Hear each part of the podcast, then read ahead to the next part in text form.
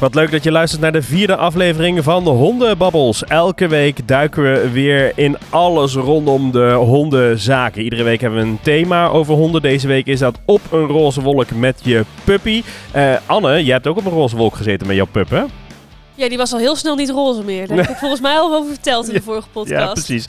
Ik denk dat het wel bij meer mensen voorkomt. Uh, we, wat gaan we allemaal doen? Nou, we gaan het hebben over een hondenras. En dat is deze week niks minder dan de Duitse herder. Uh, kent iedereen wel, maar wat houdt die Duitse herder nu eigenlijk uh, precies in? En we hebben natuurlijk de rubriek Snuffel en Leer met alle tips over honden en hun gedrag. Dat doen we samen met Lianne en met Jamie. Welkom. Hallo. Goeiedag. Nou, zijn we er weer klaar voor? Zeker. Zijn jullie wel eens van die roze wolk afgevallen met een pup? Och. No. Mijn moeder Keihard. het hardste. Ja, dat doen ze eigenlijk allemaal wel, denk ik. Hè? Ja, en dat is wel een beetje jammer. Want Ja. het, zou, het zou zo leuk zijn als je echt op die roze wolk zou kunnen blijven zitten. Welkom bij Hondenbabbels. Nou, het thema van deze week, op een roze wolk met je puppy. Puppy-eigenaren die zijn vaak helemaal in de wolken met hun puppy. Maar niets blijkt minder waar soms. Ehm, wat kunnen de eerste barstjes daarin zijn?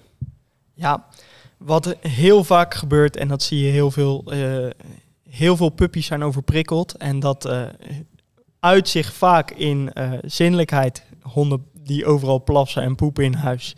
En bijtgedrag, honden die overal in gaan bijten, dingen gaan slopen. dat vinden de meeste mensen niet zo heel erg leuk. En natuurlijk niet te vergeten, niet luisteren. Dat is wat vaak mensen voor beeld hebben. Mensen kopen een hond en ze denken, oké, mooi. Nu ga ik hem alles leren wat hij moet. Zitten, dat kan hij meestal aan de eerste dag al. Maar op het moment dat we hem loslaten in het bos, dan is hij weg. Of hij is bezig met eh, eh, eh, de tafelpoot. En wij zeggen stoppen en dan gaat hij weer verder met het gordijn. En dat soort dingen gebeurt heel veel bij puppies. En dat is ook het ja, belangrijkste wat je kan ondervangen. Ja, dat herken ik wel een beetje. Want ik dacht natuurlijk met mijn hond van dat ga ik wel even doen en dat wordt leuk. Nou, dat bleek de grootste banger te zijn die er is. Hoe is dat bij jullie honden gegaan toen ze pup waren? Ja, voor ons, kijk, als ik kijk naar mijn eerste pupje, ehm, ook daar heb ik natuurlijk gewoon heel veel fouten gemaakt. Eh, ik dacht, eh, ik moet wel op cursus. Dat, dat, dat gevoel had ik wel, dat ik dacht van ja, dit, is wel serieus, dus moet ik op cursus. Dus ik ging op cursus en ik leerde hem zitten, liggen. Nou, dat kon hij als de beste.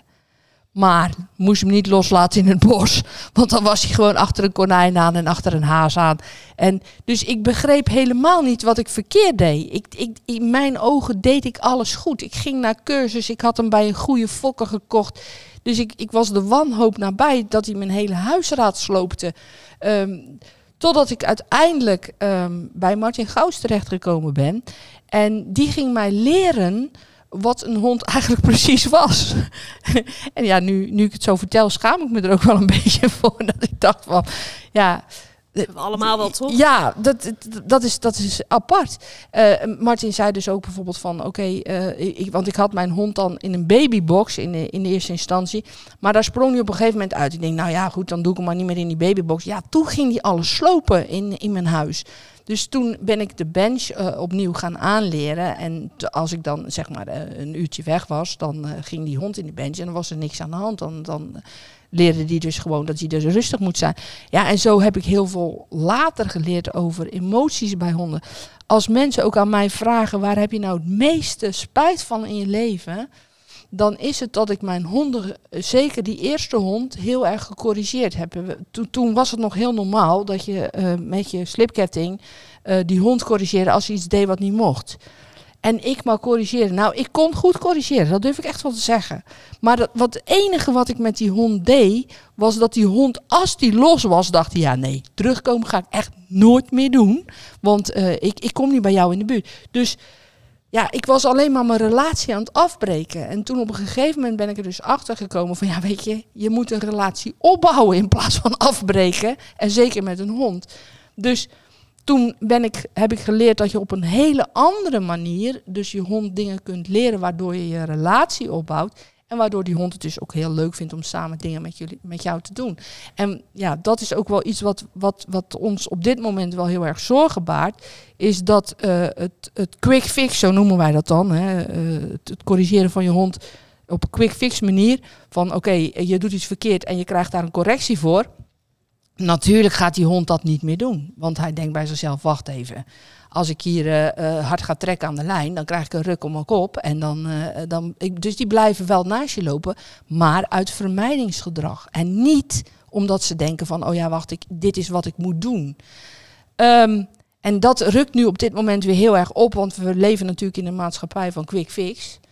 En het moet allemaal snel. Ja, en dat, dat kan niet. Je kan een kind ook niet snel opvoeden. Dat is hetzelfde als met een hond. Dus- Maar we hebben recent, ja, recent, eh, een van onze honden, Summer, eh, zo'n golden retriever van nu vier jaar. Mensen zeggen altijd, ja, golden retriever, dat zijn de, ehm, ja, een van de makkelijkste honden die je kan krijgen. Nou, ik weet nog de dag dat we haar gingen ophalen. Ehm, wat gebeurde er?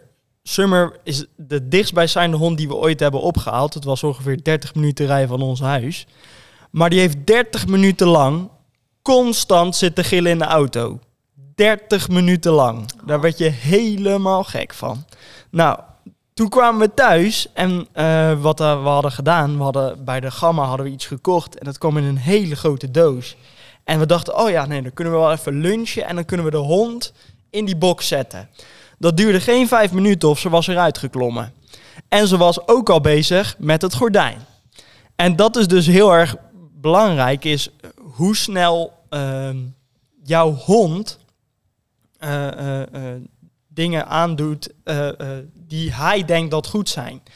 Op dat moment hadden we dus inderdaad kunnen zeggen: Oké, Summer, dat vind ik niet leuk en ik duw je tegen de grond aan. Maar daar hebben we bewust niet voor gekozen. We hebben er apart gezet, we hebben de doos ietsje opgehoogd. Toen ging ze nog 10 minuten janken in de doos en daarna viel ze in slaap. En dat is dus heel erg belangrijk, is dat mensen vaak bij de eerste twee minuten al opgeven. Of denken bij de rit naar huis, oh, als dit zo is, wat moet ik dan doen? En dat is dus wat ook heel vaak gebeurt. Vanuit die situaties, dat je jezelf ja, tegenkomt, dat je denkt, oh, dit is wel heel erg, komt dus die correctie voort. Want jij wil dat het stopt. Maar dat bestaat niet. Ik heb jullie nou al een aantal keer gesproken, al het een en ander gehoord over jullie trainingen. Het is niet zomaar je hond leren zitten, poot geven, liggen. Hoe ziet een puppycursus er bij jullie uit? Bij ons eh, draait de puppycursus. eh, natuurlijk gaan we ze ook leren zitten en natuurlijk gaan we ze ook leren liggen. Maar daar ligt zeker niet de nadruk op. De nadruk ligt op socialisatie. Hè, wat is socialisatie? Een, een jonge hond, bij ons mogen de honden ook vanaf acht weken komen. En mensen zeggen, ja, maar dan is hij nog niet helemaal geënt. En dan, eh, nee, maar in de eerste eh, twaalf weken, nou 16 weken eigenlijk van, van de hond, leggen ze heel veel, ja, heel simpel gezegd, bruggetjes in, in hun hersenen aan. En die bruggetjes die zorgen ervoor dat ze een oplossend vermogen krijgen. Denk ook aan onze kinderen. Als jij een baby krijgt, dan gaat krijgt hij eigenlijk al heel snel eh, zo'n lapje, zo'n kraaklapje of een, een rammelaar vast. Om, om te leren hoe, hoe dingen klinken, hoe dingen voelen. Eh, ik vond ook altijd een van de mooiste dingen bij mijn kinderen dat ze op een gegeven moment ontdekken dat ze voeten hebben. Dat ze denken, hé, hey, wacht eens even, die horen ook bij mij. En eh, dat is dus waarom het zo verschrikkelijk belangrijk is dat je naar een goede puppycursus gaat, waar dus mensen geleerd wordt van, oké, wat is nou socialiseren? Je hebt ook mensen die denken, oh ja, ik moet mijn hond socialiseren. Ik ga s'morgens naar de markt, 's middags gaan we naar de, het terras en s'avonds dan gaan we nog naar de cursus. En de, de, als die honden raken helemaal overprikkeld. Dus het is echt wel dat je daar begeleiding in nodig hebt. Ehm, wij doen een heel groot stuk aan opvoeding. Wat we, we de hele tijd ook in alle onze podcasts naar voren laten komen. Wij leren ze wat, ze van, wat, we, wat we van ze willen. Dat is niet alleen opvoeding van de honden, maar ook van de eigenaar. Hè? nou De ja, voor ons, als we heel eerlijk zijn, wij voeden geen honden op. Wij voeden alleen maar eigenaren op. nee, maar dat is natuurlijk ook een heel logisch verhaal. Hè? Kijk, Ja. wij leren de eigenaar wat hij moet doen. Doen. Als die eigenaar weet wat hij moet, Moet doen, doen. Dan komt het goed. dan komt het goed. Ja. Wat zijn dan de absolute, absolute don'ts? Ja, een absolute don't is, eh, eh, zoals we al zeiden, je- hond corrigeren op het moment dat hij iets doet wat niet mag. Waarvan hij niet weet wat hij moet doen. Dus eh, een hond bedenkt uit zichzelf, oh gordijn ziet er wel heel erg leuk uit. Daar ga ik nou eens even in hangen. Het is Op het, het is geen kat, toch? nee. Maar de- de- zo gaat het in principe wel. Eh, mode tegenwoordig van die flairbroeken vinden honden fantastisch om in te hangen en achteraan te jagen. Nou, en dat is dus heel erg belangrijk. Wat, dat mag niet. Maar wat mag je dan wel? Ja, ja. En dat is wat wij dus mensen aanleren. En dat is wat ook heel vaak gebeurt. Is mensen gaan hun hond meenemen naar een situatie waarin ze niet weten hoe ze moeten handelen. Dus eh, eh, ik noem maar een voorbeeld. Wij doen heel erg actief eh intratuinles. En wat houdt dat in? Wij gaan samen met je hond door de intratuin. Maar jouw hond gaat niet lopen. Jouw hond zit in het karretje en hij scant de omgeving. Waarom loop je niet door de intratuin? Dat is veel te veel prikkels. Hm. Dat kan hij allemaal niet hebben. En vanaf die situatie gaat jouw hond aparte dingen vertonen. En mensen zeggen, ja nee dat, dat intratuin, dat geloof ik wel, dat doe ik zelf wel. Dat komt wel goed. Maar dat komt niet goed. Want 9 van de 10 keer gebeurt het dat hij daar wordt aangehaald of aangeraakt wat hij helemaal niet leuk vindt. En vanaf dat moment wordt er dus al gebouwd op, oké, andere personen, die zijn niet leuk. Ja, we hebben dan de don'ts gehad, hè? maar ehm, wat zijn dan tips die je kan geven aan mensen die graag een puppy in huis willen halen? Bedoel je daarmee ehm, wat ze op voorhand moeten... Ja, ter voorbereiding. Waar kunnen ze rekening mee houden? Waar moeten ze op letten? Nou, waar je op moet letten is dat eh, als jij een puppy in huis haalt... dat je het eerste jaar niks anders kan doen dan eh, eigenlijk dat, het le- je leven in het teken van die pup zetten. Mensen zeggen, ja, maar dat is helemaal niet te doen. Ja, nogmaals, het, het kan ook anders. Maar als je het goed wil doen, moet je gewoon zorgen dat je die hond gewoon het eerste jaar leuk wegzet. Het eerste jaar is ook echt het vervelendste jaar. Ik zeg altijd tegen mensen, die puppies hebben één heel groot geluk. Dat ze er schattig uitzien. Want anders gingen ze inderdaad met, met, met 16 weken al weg. Het is dat ze, dat ze een schattig uiterlijk hebben. Maar voor de rest is het eerste jaar helemaal niet leuk. Dat is heel erg op en af. En als je het even heel kort eh, samenvat, het eerste jaar, is ehm, ze komen bij jou met ongeveer acht weken. Dan eh, zijn ze allemaal eh, wat timide nog en dan is het allemaal wel, wel, wel, leuk nog. Dan op twaalf weken gaan ze de rangorde eh, fase in. En dan begint eigenlijk het terrorgedrag. De Dan- wat voor fase? De rangorde fase. Rangorderfase ook. En dan ehm, eh, begint eigenlijk het terrorgedrag met bijten, extra bijten. Eh, je denkt bij jezelf, joh, ik, het lijkt wel of ik een piranha in huis heb in plaats van een puppy. Ehm, ze herhalen daar een angstfase dat eh, ze opeens bang worden van dingen waarvan je denkt, nou ja, twee weken geleden liep je daar nog gewoon langs en nu ga je heel, kruip je helemaal weg achter mij. Dan eh, gaan ze wisselen zo rond een, een, een maand of vier, vijf. En dan kom je even in wat rustiger vaarwater. Tanden, tanden, Tanden wisselen. wisselen, ja, ja. En dan kom je even wat rustiger vaarwater. En dan denken heel veel mensen, oh, nee, nee, nu begint het pas eh, leuk te worden. Ja, nou, dat is de voorbode van. Dat is de stilte voor de storm.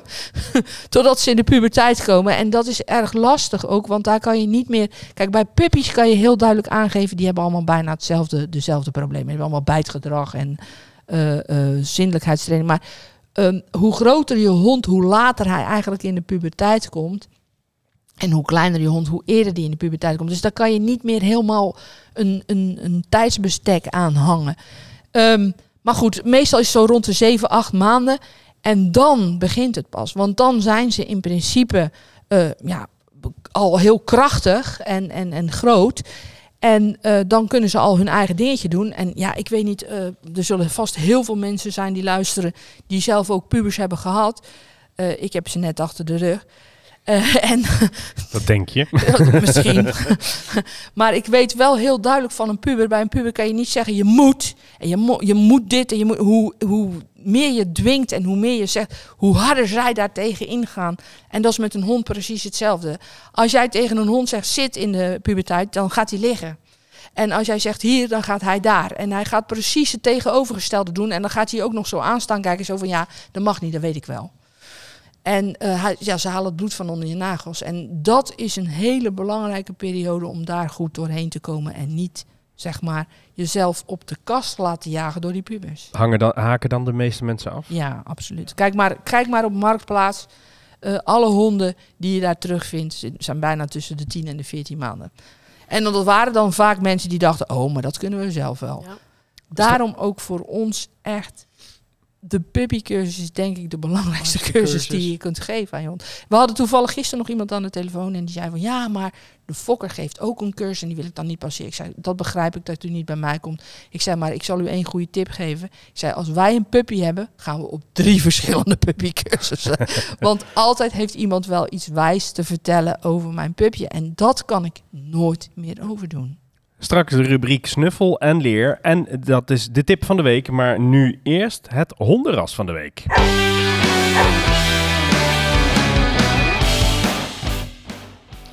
Ja, we hebben als gast Davilio. Goeiedag. Goeiedag Davilio, wat voor hond heb jij? Ik heb twee Duitse herders. Twee Duitse herders. Nou, Jamie en Lianne, wat voor hond is een Duitse herder? Een Duitse herder is eh, eh, een hond die valt in rasgroep 1. En dat is eh, de herdershonden en de veedrijvers. Eh, ze zijn gefokt om het vee te hoeden en te bewaken. Eh, ze blaffen makkelijk en ja, je ziet vaak dat ze een stukje onzeker zijn. En zoeken heel erg leiding, zoals we in de vorige podcast al aan hadden gehaald. Het zijn honden die heel graag horen wat ze moeten doen. En dat is dus een beetje belangrijk. Op een gewicht tussen. eh, het gewicht valt tussen de 22 en de 35 kilo. 22 voor de teefjes en 35 max. Ja, zo ongeveer voor een reu. Eh, je hebt natuurlijk ook grotere. Wat heel erg belangrijk is, is dat ze heel duidelijk een verschil hebben tussen showlijnen en werklijnen. Showlijnen, eh, eh, die hebben vaak eh, ja, zeg maar die kromme rug. Dus die zijn ietsje door hun poten gezakt. En een showlijn of een werklijn, die zijn rechter. Die zijn echt gemaakt om dat werk te doen. Eh, je zal bijvoorbeeld de werklijn ook niet op een show zien. En eh, je ziet showhonden wel werken. Eh, daar kan Davilio meer over vertellen, want die heeft twee showhonden. Ja, klopt. Ik heb er twee, ja. Nou, stel ze even voor. Ik heb een, eh, de oudste tevens, acht jaar, Tammy. Daar heb ik mee africhting gedaan de eerste drie, vier jaar. En africhting houdt in dat ik eh, speuren, gehoorzaamheid en pakwerk heb gedaan. Eh, heel klein beetje ook show gedaan, maar dat lag mij echt niet. Dat vond ik, dat vond ik zelf niet echt leuk, want ik merkte mijn hond ook niet. Toen dat ik behendigheid ontdekte, ja, dat was het, dat was het leven van mijn hond. Daar heb ik ook heel veel wedstrijden in gedaan en dat was voor haar de sport. En de jongste, Xiran, is nou vijf jaar. Daar heb ik, eh, die, die leeft voor de africhting. Daar leeft zij voor. Dat vindt zij het beste wat er is. En eh, tot de dag van vandaag ben ik daar nog steeds wel eh, mee in te vinden. Ja, waarom is dat zo belangrijk, denk je, voor jouw honden om daar zo mee bezig te zijn? Ehm, allebei mijn honden raken heel snel verveeld. Het zijn echte werkhonden. eh, zoals Jamie ook echt wel zegt. ehm, het, zijn, eh, het zijn honden met karakter. En de showlijnen ga je niet inderdaad niet, niet heel vaak zien in werk, eh, werkdrift. Maar ik ben echt van mening, als ik mijn honden heb ik van begin af aan echt wel opgevoed op een leuke en positieve manier. En laten zien dat werken leuk is. En nou willen ze ook niks meer anders. Matcht de omschrijving van ehm, eh, Jamie een beetje met jouw honden? Zeker, het zijn eh, stiekem zijn het best wel onzekere honden. Ehm, honden die heel veel steun en leiderschap naar mij eh, zoeken. Ehm, dus daar kan ik ook echt wel in vinden. En qua gewicht ook helaas. Ja, er zit best wel een verschil in tussen de 22 en de 35 kilo. Hoe Ja. komt dat? Ehm, de showhonden zijn eh, ook in verhouding qua eh, lager. Eh, de schofthoogte van een, van een teef in de show zijn, mag, mogen maximaal 38,9 zijn. En qua reuien mogen ze al naar de 45 centimeter zijn. Dus daarin zit ook wel echt een verschil. Ik heb twee kleine teefjes die ook precies op de 38 centimeter zitten. En die van mij zijn ongeveer 25 kilo. Waarom heb jij voor teefjes gekozen? Heb ik dat is een hele bewuste keuze geweest. Eh, in de Duitse heidewereld zijn reuien nou eenmaal een beetje wat, wat lomer. Eh, we zien het wel gebeuren, dat komt allemaal goed. En tevens zijn net wel feller. En ik ben zelf ook wel eh, af en toe een fel persoon. Dus ik, vond, ik vind het een leuke, een leuke eigenschap van, van teefje. Waarom heb jij eigenlijk gekozen voor de Duitse herder? Dat komt eigenlijk een beetje mijn schoenen gewaaid. Ik heb, ehm, voordat ik bij, Lianne terecht kwam, heb ik altijd op een andere hondschool gezeten. En die eh fokte ook Duitse herders. En die zeiden tegen mij van, goh, wil jij eens met een Duitse herder trainen? Ehm, ze was twee maanden oud en ik ben daarmee gaan trainen. En ik ben, ja, ik zeg, het is een geloof geworden. Als je een, een, een ras kiest, dat is geloof. Dat, ga je, stap je niet meer vanaf. Ja, Lianne en Jamie, hoe zien jullie Duitse herders in jullie lessen? Hoe zijn die honden bij jullie? Wat we heel vaak zien is eh, of ze zijn eh, heel relaxed omdat de eigenaar dus heel duidelijk leiding geeft en, en consequent naar ze is. Of ze zijn heel onzeker en ze blaffen heel erg veel. Ehm, omdat ze dus eh, die, die onzekerheid hebben. En het is echt vaak ehm, geen blaffen van agressie of zo, maar echt van, van dat ze niet weten wat ze met de situatie aan moeten. En we zien dus bij de Duitse headers echt, eh, daar moet je mee werken. Die moet je duidelijk leiding geven. Die moet je duidelijk zeggen van we gaan nu dit doen, we gaan nu dat doen. Die hebben weinig zelfinitiatief. En wat heel erg belangrijk is, is dat je hu- hun heel goed aanleert wat ze moeten doen op het moment dat eh, eh, je even niet bezig bent met ze. En dat zie je dus ook heel goed terug bij de honden van Davilio. Is oké, ik ben de les aan het geven. Wij gebruiken vaak onze honden in de les, want dan kun je zien hoe het eindresultaat eruit ziet. Is oké, ik zeg nu niks tegen jou. Jij blijft daar rustig liggen totdat ik zeg, ja kom, we gaan weer de volgende doen. En dat is dus heel vaak wat we fout zien gaan. Duitse herders volgen heel goed commando's op. Maar op het moment dat ze geen commando meer ontvangen, weten ze vaak niet meer wat ze moeten doen. En dan vallen ze dus terug in het blafferige, in eh, eh, ergens naartoe willen gaan, eh, niet goed focus kunnen houden. En dat is heel erg belangrijk bij die honden. Ehm, wat ook heel erg belangrijk is, is dat deze honden ook weer bestempeld zijn met het hoge risico. Eh, vanwege eh, ja, een beetje hun onzekere aard. En dat is dus ook heel erg belangrijk. Is je kan heel, je, kan net zoals bij de Rottweiler een hele leuke hond eh, creëren, maar dan moet je er super actief mee bezig zijn. Het komt niet aanwaaien. De Vilio, is de Duitse herder voor iedere hondenbaas geschikt? Nee, absoluut niet. Dat ben, ik, een Duitse herder is echt wel een hond waar je moet weten wat je doet. En ehm, ik heb met mijn eerste herder heb ik echt wel wat probleempjes gehad. En dat ik echt wel mijn handen in mijn haar stond van ja, en nu? Ehm, maar dat is echt, voor welke eigenaar zou het nou bedoeld zijn? Voor actievere mensen die tijd hebben van goh, ik kan elke dag mee, mee gaan trainen, mee gaan spelletjes gaan spelen. Eh, mensen die ook initiatief willen tonen om überhaupt cursussen te volgen. Want ondanks dat je al 30 jaar honden hebt gehad, je moet en zal blijven, kun je bijleren. Dus nee, het is, het is niet echt voor elke eigenaar neergelegd, een Duitse herder. Echt niet. Ja, en waarom is het dan voor jou zo'n verrijking van je leven? Omdat het echt wel honden zijn die, ehm, als ik naar mijn eigen honden ga kijken, die mij echt wel spiegelen. En ik vind Duitse herders, vind ik sowieso, ik ben zelf ook wel echt een actief persoon. En daarom denk ik dat het echt wel een combinatie is. Ik, als ik een hond ga nemen die, ja, die hele dag in, dat een rustige karakter heeft, ja, ik denk dat ik mezelf dan helemaal gek ga maken dan. Helemaal goed, dankjewel Davilio.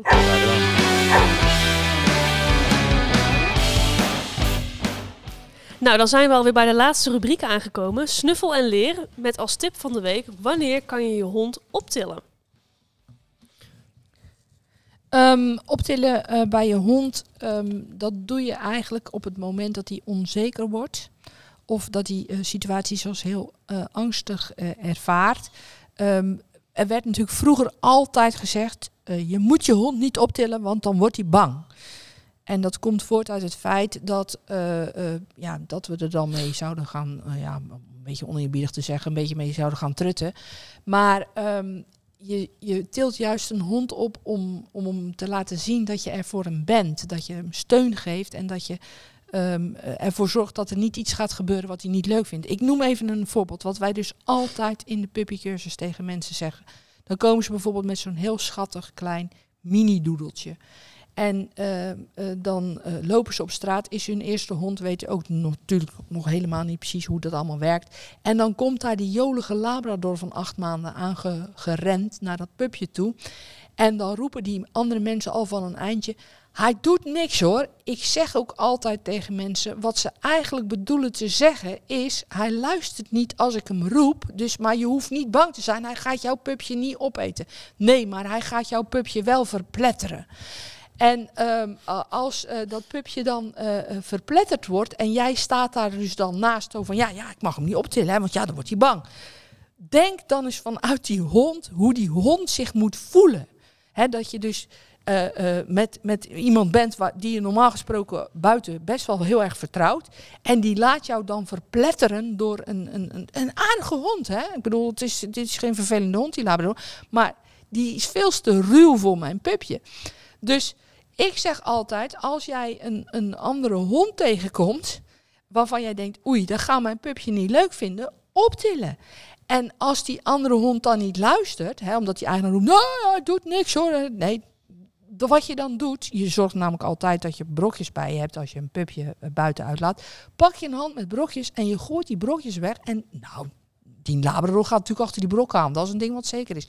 Op dat moment heb ik kans om met mijn pupje weg te lopen zonder dat ik ruzie heb. Want ik hoor ook tegenwoordig zo vaak. Ja, weet je, ik had eh, gelijk weer een bak met ruzie met iemand. Want ik zei, hou je hond dan aan de lijn.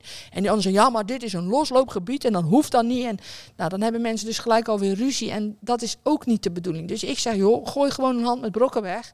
En die hond gaat lekker die brokken opeten. En jij kan gewoon doorlopen met je pupje. Maar dat kan, doe je met een pupje. Ja. Als je eenmaal een Duitse herder volgroeid hebt of een Rottweiler, die til je niet zo makkelijk op. Nee, daar ga je voor staan. Ja, oh, daar ga je voor staan dan. Oké, ja. En want eh, je ziet ook mensen die zo'n modehondje hebben, zo'n klein hondje, die, dan vraag ik me wel eens al of het beest zelf wel kan lopen, want Ja. er wordt alleen maar getild. Ja, ja dat is ook weer Ja, niet de dat is bedoeling niet de natuurlijk. bedoeling. Nee. Dat is het tegengestelde. Ja. Dat is het tegengestelde. Dat, dat noemen we altijd een pokkenhandtas. Die oh, je overigens ook allerlei dingen kan leren, toch? Neem ik Zeker, aan. absoluut. 100 procent. Ja, ja, maar mensen tutten wel een beetje met die hondjes soms. Ja. Ja, dat is ook zo. Dat zijn Maar mooie ja, zijn natuurlijk ook best wel... Als je gaat kijken, dat gaat vergelijken met een Rottweiler. Ja, een Rottweiler voor mij een keer zijn poot erop te zetten. En dan is het... eh, ja, in principe eh, heeft hij er al best wel veel last van. En dat is natuurlijk een beetje... dat is zacht ding. uitgedrukt, hè? Ja. Heeft hij er best wel veel last van. En dat is natuurlijk een beetje... Doet hij anders nooit. Het is een, eh, de emotie die je eh, bij zo'n hond draagt. Het is natuurlijk, mijn moeder zei het in de vorige podcast al, is ja, je mag hem eigenlijk niet vergelijken met een kind, maar voor veel mensen is dat zo. Ja. En je zou je kind ook niet onder een vrachtwagen laten lopen, denk ik. Lijkt me het beste van niet om Ja, dat te doen. en nee, kijk, nee. en dat is dus een beetje, de, dat is misschien een beetje een grove vergelijking. En eh, eh, het is zeker niet, er zijn ook Rottweilers die kunnen stikgoed omgaan met kleine hondjes. Maar dat weet je niet van tevoren. En daarbij wil jij als eigenaar van je hond de leiding hebben. Kijk, we weten weer een beetje wanneer we de honden, je eigen hond en vooral je pup op moet tillen. Eh, want je helpt het er eigenlijk ook mee, hè? Zeker. Dat Zeker. is het. Oké, eh, dat was hem voor eh, deze week, denk ik, toch? Ja, we zijn er doorheen. Je weet een beetje wat je kunt doen eh, als je op die roze wolk zit en er niet te ver en te hard van af wil vallen met je puppy. De tips kregen we weer van Lianne en van Jamie. Volg hun op hun social media om ook tips te blijven ontvangen. Je kunt ons zelfs ook volgen op Hondenbabbels. Op Instagram zie je foto's van eh, onder andere de Duitse herder die we vandaag hebben besproken. Maar nog veel meer. Eh, volgende week dan zijn we er weer gewoon met een, een nieuw onderwerp. Wat, dat houden we nog even spannend, toch? Zeker. Dat zien we volgende week wel weer. Eh, tot volgende week. Tot Hondenbabbels.